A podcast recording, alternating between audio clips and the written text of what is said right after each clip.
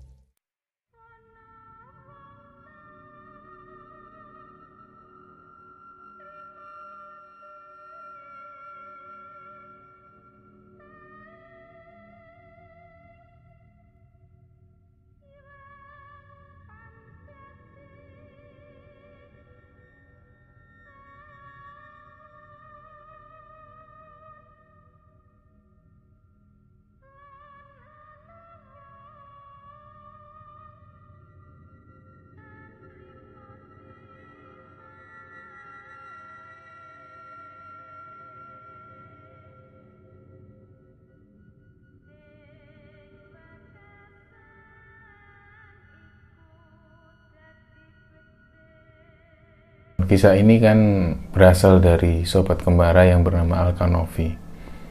Dia ini ingin menceritakan kisah di masa lalunya yang eh, ketika kita membaca email ini saya sendiri ngerasa ada kesedihan yang mendalam karena ini menyangkut tentang kehidupan masa lalu dia dan eh, cerita tentang keluarganya, terutama ibunya. Jadi si Novi ini berkata pada Kembara Sunyi bahwa cerita ini baru pertama kali ia bagikan ke Kembara Sunyi dan sebelum-sebelumnya belum pernah diceritakan pada siapa pun. Kisah ini berawal ketika Novi saat kecil dia hidup bersama satu orang ibu dan satu orang neneknya di sebuah rumah yang sangat sederhana di salah satu desa di Salatiga. Ibunya berprofesi sebagai tukang cuci di rumah orang gitu, di rumah tetangga dan neneknya profesinya sebagai buruh tani yang garap sawah orang. Jadi hari demi hari itu mereka lalui dengan sangat sederhana sekali. Kadang bisa makan satu kali dalam sehari aja sudah sangat bersyukur sekali waktu itu. Nah, sering kali Novi kecil itu sering mengikuti ibunya bekerja jadi saat ibunya kerja di rumah tetangga, nyuci baju, eh, menata baju dan mencetrika baju itu Novi sering berlari-lari dan godain ibunya. Tapi ibunya Novi tetap memperlakukan Novi dengan sabar dan sama sekali tidak pernah marah gitu loh. Itu yang membuat Novi sangat eh, terkenang bahkan sampai hari ini. Menginjak usia SD, beban ekonomi semakin bertambah. Ibunya terpaksa sema, semakin menambah jam kerjanya pada waktu itu. Jadi eh, banyak aktivitas yang dilakukan ibunya di luar, mencuci baju orang, terus eh, ya membantu apa pun yang ia bisa asalkan dapat uang halal.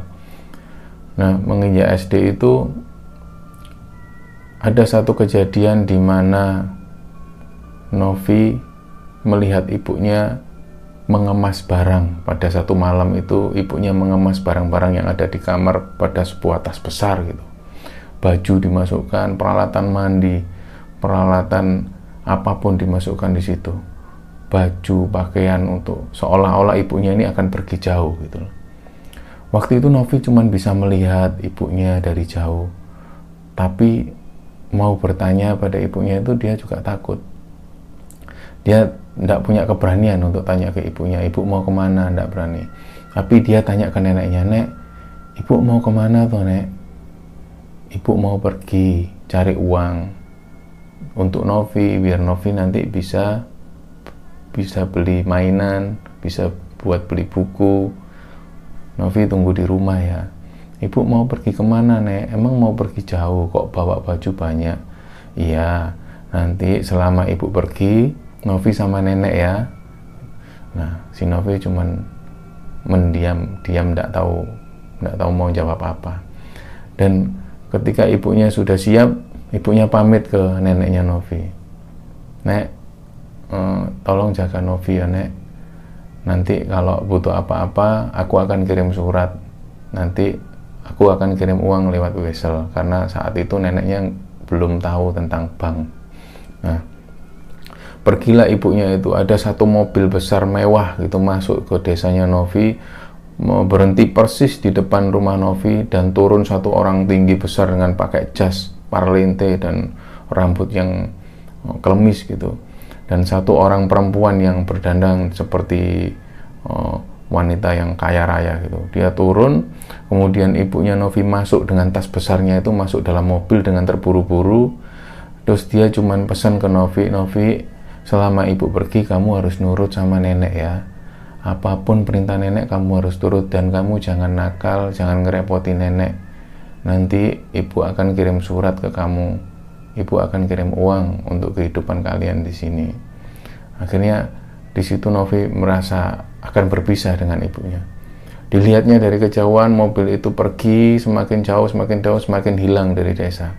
Hari itu dia terakhir kali ketemu ibunya dan dia tidak tahu ibunya pergi ke mana. Yang dia tahu ibunya pergi bersama satu orang laki-laki dan satu orang perempuan yang kaya raya dengan mobil yang mewah itu. Di malam kedua Ketika ibunya pergi, Novi nunggu di depan pintu sambil melihat ke arah luar berharap ibunya pulang karena pada jam itu biasanya ibunya pulang dari rumah tetangga dari nyuci baju biasanya pulang segitu ditungguin di nanti-nanti ibunya belum juga datang akhirnya si nenek ini uh, bilang ke Novi kamu nungguin siapa Nov nungguin ibu udah ibumu ndak pulang udah sama nenek ayo nenek koloni gitu jadi tidurlah dia setiap malam berlangsung seperti itu. Novi nunggu di depan rumah, di depan pintu sambil melihat ke arah luar, berharap ibunya pulang hari itu. Ternyata ibunya tidak pulang. Kejadian itu berlangsung sampai Novi menginjak SMP. Ketika Novi menginjak SMP, uh, eh, ibunya sering kirim surat ke dia. Tapi dia masih belum juga tahu, si Novi masih belum juga tahu di mana posisi ibunya hari itu yang dia tahu ibunya sering kirim surat dan sering kirim wesel untuk neneknya. Jadi kehidupan Novi dan neneknya ini hanya bergantung pada wesel kiriman ibunya. Menginjak SMA, Novi punya HP yang nggak terlalu bagus tapi cukup untuk bisa telepon atau berkomunikasi dengan ibunya. Jadi hampir dua hari sekali Novi ngasih kabar ke ibunya tentang kondisi rumah, kondisi sekolahnya, dia kenal dengan siapa, sahabatnya siapa, dia cerita berhari-hari dan dia kangen betul kondisi ibunya seperti apa sekarang. Sampai-sampai ada satu kejadian di mana dia itu lupa betul wajah ibunya. Karena saking lamanya dia tidak pernah melihat wajah ibunya. Nah, pada satu SMA itu ada satu kejadian di mana neneknya sakit neneknya sakit kemudian Novi ngabari memberi kabar ke ibunya bahwa bu nenek sakit ibu kapan pulang ibunya cuma ngasih kabar Novi uh, tolong rawat nenek dengan baik. Kalau butuh biaya yang lebih ibu bisa kirim. Sementara ibu belum bisa pulang ya nak. Novi tolong rawat nenek sebaik mungkin gitu. Jadi hampir beberapa bulan neneknya sakit terbaring di kamar itu. Terus pada satu kejadian neneknya semakin parah dan neneknya meninggal Jadi pada saat neneknya meninggal, Novi sedih sekali karena uh, setiap hari selalu dihabiskan waktunya dengan nenek ini. Pulang dari sekolah, yang menyediakan makan neneknya. Kalau mau ke mana, yang nemenin ngobrol neneknya. Setiap malam kalau mau tidur, yang ngeloni juga neneknya. Jadi hari itu dia merasa kehilangan satu sosok, yaitu neneknya. Neneknya hari itu meninggal dan dia Novi mengasih kabar ke ibunya bahwa e, ibu nenek meninggal. Ibu kapan pulang? Hari itu ibunya tidak pulang. Dia kecewa betul sama ibunya. Kenapa kok ibu nggak pulang? Padahal nenek meninggal gitu. Nah ketika tahlilan digelar hari pertama hari kedua ibunya belum juga pulang. Di hari kelima ada tahlilan proses tahlilan digelar itu ibunya pulang. Dari kejauhan ada sebuah mobil mewah yang mengantar ibunya.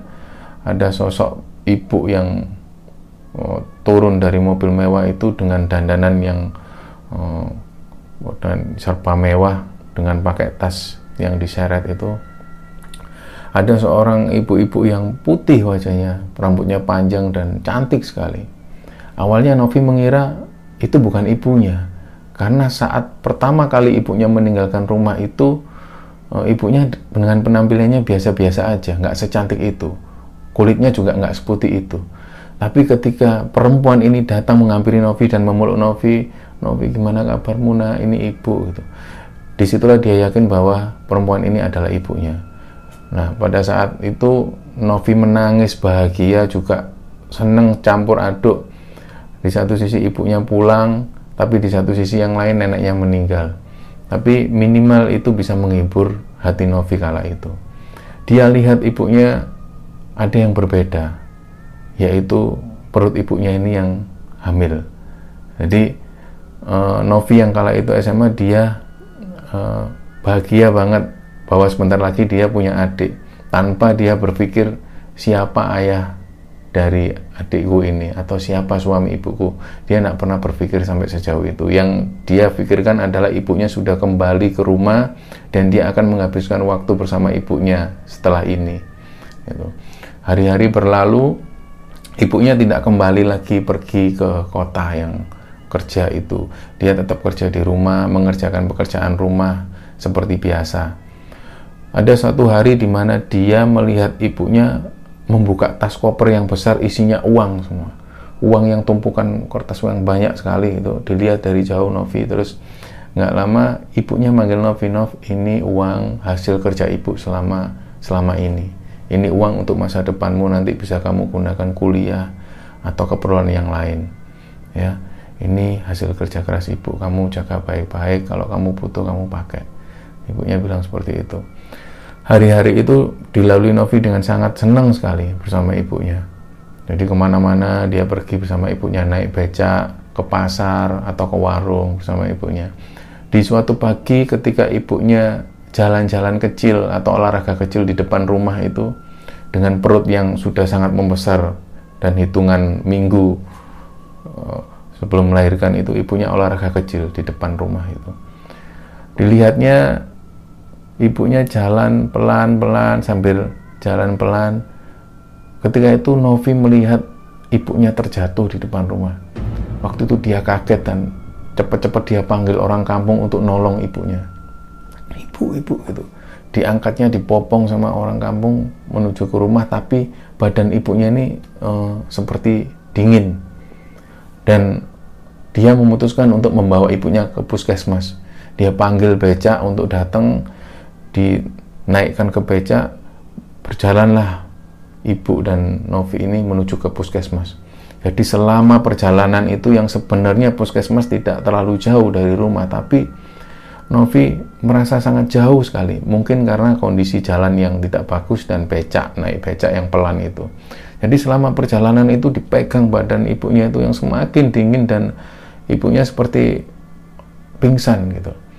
Ketika sadar Novi mencoba menuntun ibunya dengan bacaan-bacaan Bu istighfar ya istighfar. Ibunya istighfar astagfirullahaladzim dibacakan Bu nyebut Bu nyebutlah ilaha illallah. Jadi sepanjang perjalanan itu ibunya Novi dituntun kalimat-kalimat syahadat asyhadu an la ilaha illallah asyhadu anna. Sampailah mereka di sebuah puskesmas di desa itu uh, jadi pihak rumah sakit langsung gerak cepat untuk menangani ibunya ternyata takdir berkata lain. Ibunya meninggal hari itu. Ibunya dinyatakan meninggal serta bayi yang ada di dalam kandungan meninggal. Hari itu di mana saat ibunya meninggal dan janin yang ada di kandungan ibunya dinyatakan meninggal juga Novi seperti kehilangan dunia. Dunia itu seperti gelap gitu. Dia ngerasa seolah tidak punya siapa-siapa lagi di dunia itu dia nggak tahu lagi harus berbuat apa ke depannya dia harus mau ngapain ke mana dia tidak punya pikiran sama sekali. Yang dia tahu dia sedih setelah kehilangan neneknya. Hari itu dia kehilangan ibu dan calon adiknya. Ya sedih bukan main. Jadi dia hanya hidup sebatang kara hari itu. Dan segera jenazahnya dibawa pulang ke rumah dan ada kepercayaan di desa itu memang yang ketika ada seorang perempuan yang meninggal bersama janinnya maka harus disediakan uh, perlengkapan bayi seperti popok, baju bayi dan lain-lain, selendang terutama itu untuk dimakamkan satu liang lahat bersama ibu dan janinnya itu. Nah, dikarenakan hal itu belum ada persiapan maka jenazah ibunya didiamkan dulu untuk nunggu esok harinya begitu esok harinya perlengkapan bayi sudah terpenuhi dimakamkan ibunya. Malam hari digelar tahlilan seperti biasa. Hari itu Novi masih kalut dengan kesedihannya nggak tahu lagi harus ke mana dan dia belum punya rencana ke depannya mau ke mana karena dia hidup sebatang kara seorang diri tidak tidak punya saudara dan lain-lain. Nah eh, selain kesedihan yang Novi alami ternyata juga ada berita miring yang terjadi dengan ibunya yang sudah meninggal ini. Malam itu ada salah satu orang warga yang melihat sosok perempuan berbaju daster putih duduk selonjor di depan rumahnya sambil ngendong bayi dengan wajah yang pucat gitu. Satu warga ini ketakutan ketika melihat sosok perempuan itu. Sundel bolong sundel bolong. Dia lari ke desa sambil mengabarkan berita ini ke seluruh warga. Jadi warga desa mulai uh, desas-desus mulai muncul desas-desus bahwa ada sundel bolong di rumahnya. Ibu ibu itu jadi sundel bolong itu yang meninggal dengan janinnya itu. Nah Novi yang dengar kabar ini terasa sangat terpukul sekali gitu loh. Selain dia baru saja kehilangan ibunya, muncul berita bahwa ibunya sekarang jadi hantu gentayangan, sundel bolong.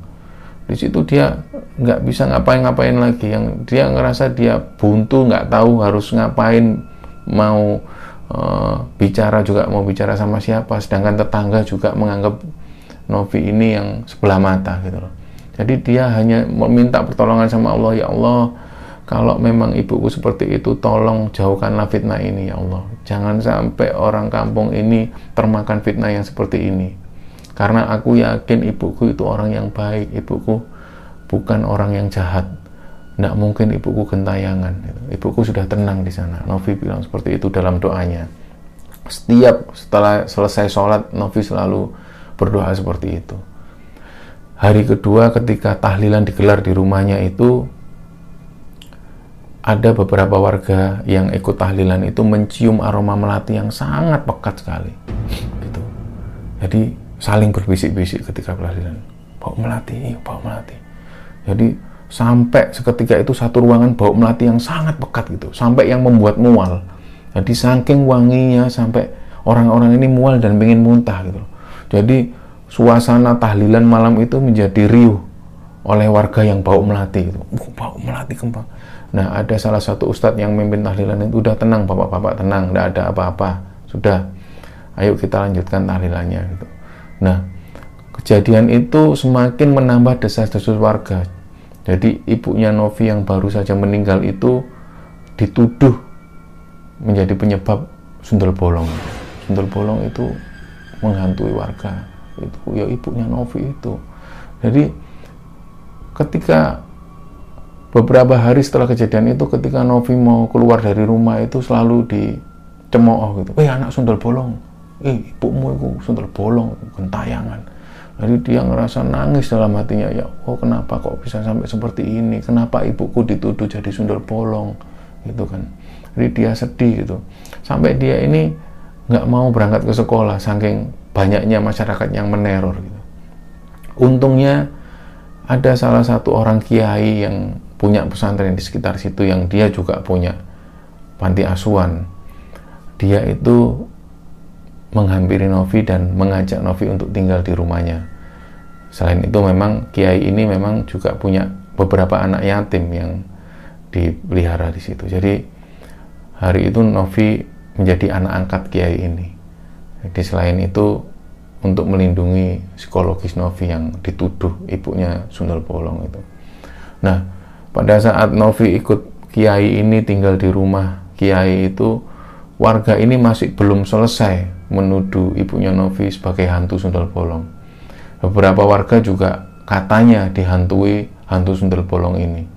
Jadi perempuan dengan pakai daster putih berdiri menggendong anak bayi dengan perut kondisi perut yang agak bolong terluka gitu bekas persalinan ada salah satu orang yang biasa mata pencariannya itu sebagai pencari kodok berangkat 9 jam 9 malam pulang jam 2 pagi itu biasa dia masuk hutan dan oh, ke sawah-sawah gitu. Nah saat perjalanan di tengah sawah itu dia ketemu dengan sosok perempuan yang memakai daster putih dengan menggendong bayi dan kondisi bayi disusui di tengah hutan itu. Karena orang ini tidak tahu menau tentang hantu sundel bolong ini akhirnya orang ini menghampiri bu kok anaknya kok dibiarkan tengah malam gini apa nggak kedinginan? Saya antarkan pulang yuk. Nah ibu ini hanya diem aja sambil nyusui anaknya gitu. Anaknya digendong gitu diayun-ayun. Nah bapak ini tadi pertanyaan lagi bu ayo bu saya antarkan pulang. Nanti sampai di sini kesasar loh. Ini sudah malam sekali soalnya. Nah tetap ibu yang gendong bayi ini nggak menggubris sama sekali.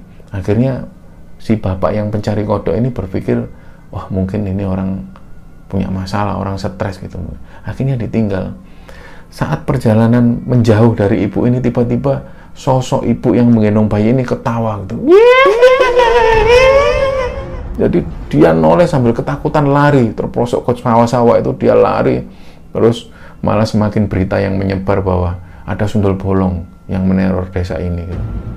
Nah, semakin pandangan orang desa pada si Novi ini semakin buruk gitu loh oh itu anjir anaknya sudah bolong itu. Ayo sampai beberapa warga ini menyuruh Novi itu untuk mengungsi dari rumah itu untuk pergi. Kamu nggak usah tinggal di sini kamu kamu yang bikin apa keluargamu.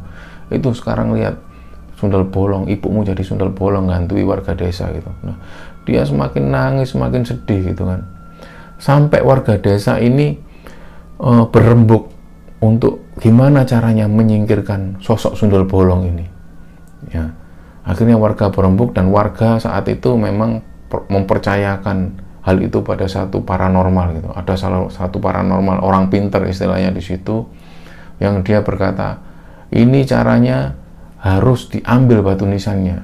Batu nisannya diambil dan harus dilarung ke sungai yang mengalir gitu, supaya hantu ini nggak menghantui lagi gitu. Nah, akhirnya warga sepakat ditunggu hari di mana ibunya dimakamkan itu warga-warga berbondong ke makam itu. Akhirnya nisan batu nisan itu dicabut, dilarung ke sungai, sungai yang deras alirannya gitu. Dan di batu nisan dilempar. Besok harinya, ketika malam hari ternyata masih ada gangguan seperti itu. Ada tukang nasi goreng yang jualan di sekitar situ juga mengaku pernah didatangi sosok perempuan yang menggendong bayi dan dia pesan nasi goreng. Ternyata dia dibayar dengan uang dari daun. Nah, teror ini belum selesai. Teror ini belum selesai dan Novi merasa semakin tersudut gitu. Dia ngerasa semakin hancur hidupnya ketika banyak orang yang menuduh ibunya adalah sundel bolong gitu loh. Nah, ketika itu sang kiai ini memutuskan untuk sudah Novi kamu kamu pergi aja dari desa ini. Kamu tidak bisa terus-terusan tinggal di desa ini kamu ikut saudaraku yang dia punya warung Tegal di Jakarta. kamu ikut ke sana kamu belajar kamu ikutilah. Yang penting kamu tidak tinggal di sini gitu.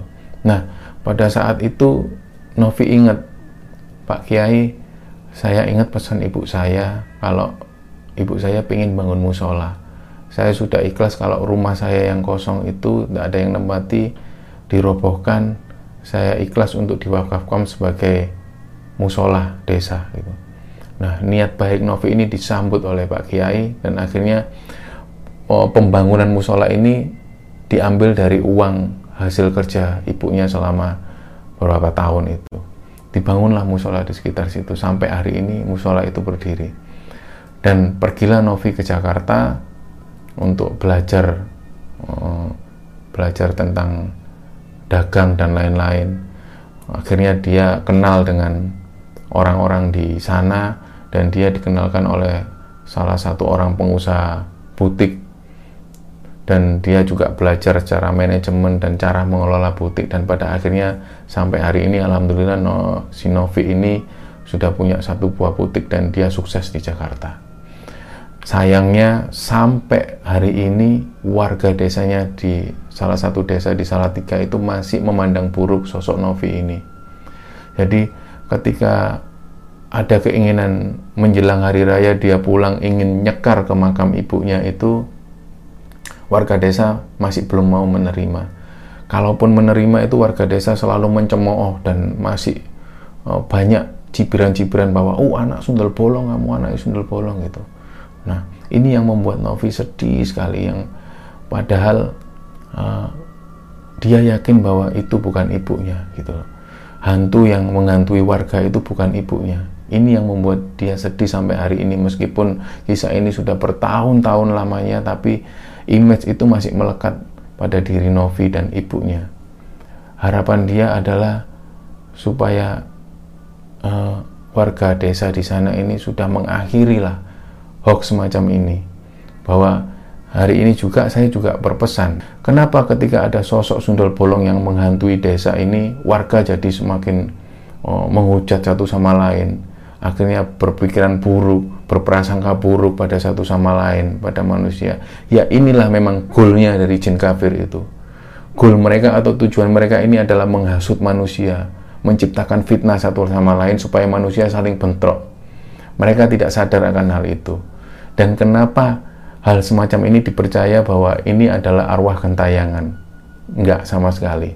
Karena orang yang sudah meninggal sudah ada tempatnya sendiri di alam barzah dan dia tidak akan mungkin bisa mengantui manusia.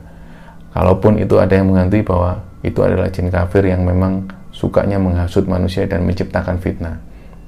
Jadi untuk siapa pun yang sampai hari ini di salah satu desa di Salatiga yang sampai hari ini meyakini bahwa Sundel Bolong itu adalah ibunya Novi, tersesatlah kalian. Itu adalah fitnah terbesar untuk saudara kita Novi. Bahwa itu akan ada pertanggungjawabannya besok di akhirat. Maka bagi siapa pun yang hari ini masih berpikiran bahwa Sundel Bolong yang menghantui kalian di desa kalian itu adalah arwah gentayangan dari ibunya Novi, siap-siap pertanggungjawaban kalian ada di akhirat. Dan itu sebuah fitnah yang sangat besar sekali itu dari kisah ini kita belajar bahwa seorang ibu perjuangan seorang ibu itu sangat besar kepada anaknya. Semua di seluruh dunia ini sangat-sangat berjasa kepada seorang ibu. Itulah kenapa ketika Rasulullah ditanya ya Rasulullah siapa yang kira-kira berjasa pada hidupku? Siapa yang harus aku hormati? Rasulullah menjawab yang pertama adalah ibumu Terus yang kedua siapa ya Rasulullah? Yang kedua adalah ibumu. Yang ketiga siapa ya Rasulullah? Yang ketiga adalah ibumu, baru bapakmu. Pentingnya seorang ibu dalam kehidupan kita. Kita tidak akan menjadi siapa-siapa tanpa seorang ibu. Ini harus kita ingat benar bahwa dalam kisah ini ibunya Novi sudah sangat berjuang untuk kehidupan Novi sampai hari ini. Titip rindu untuk ibu. Ibu Entah apa yang harus aku ucapkan untukmu. Yang pasti, saat ini aku sangat merindukanmu. Begitu sangat merindukanmu, Bu. Kepergianmu sangat menyisakan luka di hatiku. Sungguh tak pernah terlintas sedikit pun. Aku akan jalani hidup ini sendiri. Ibu, ini adalah takdir antara aku dan dirimu ini adalah perpisahan yang tak pernah aku harapkan. Sungguh, aku sangat menyayangimu, Bu. Akan selalu ada doa tulus dariku untukmu, Ibu. wiwit pang wetan wus tanpa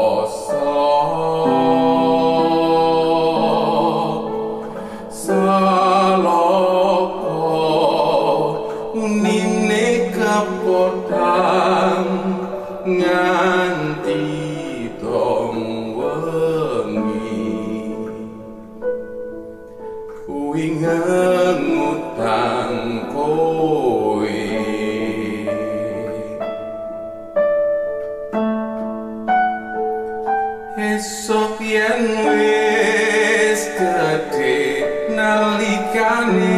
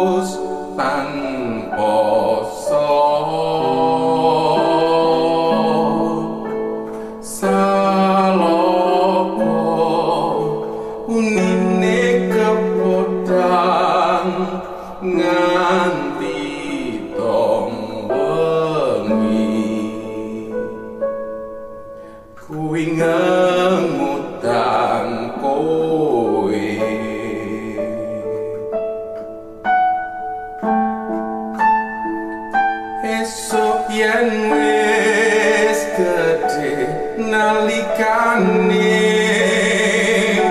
sesandingan karo kekasihmu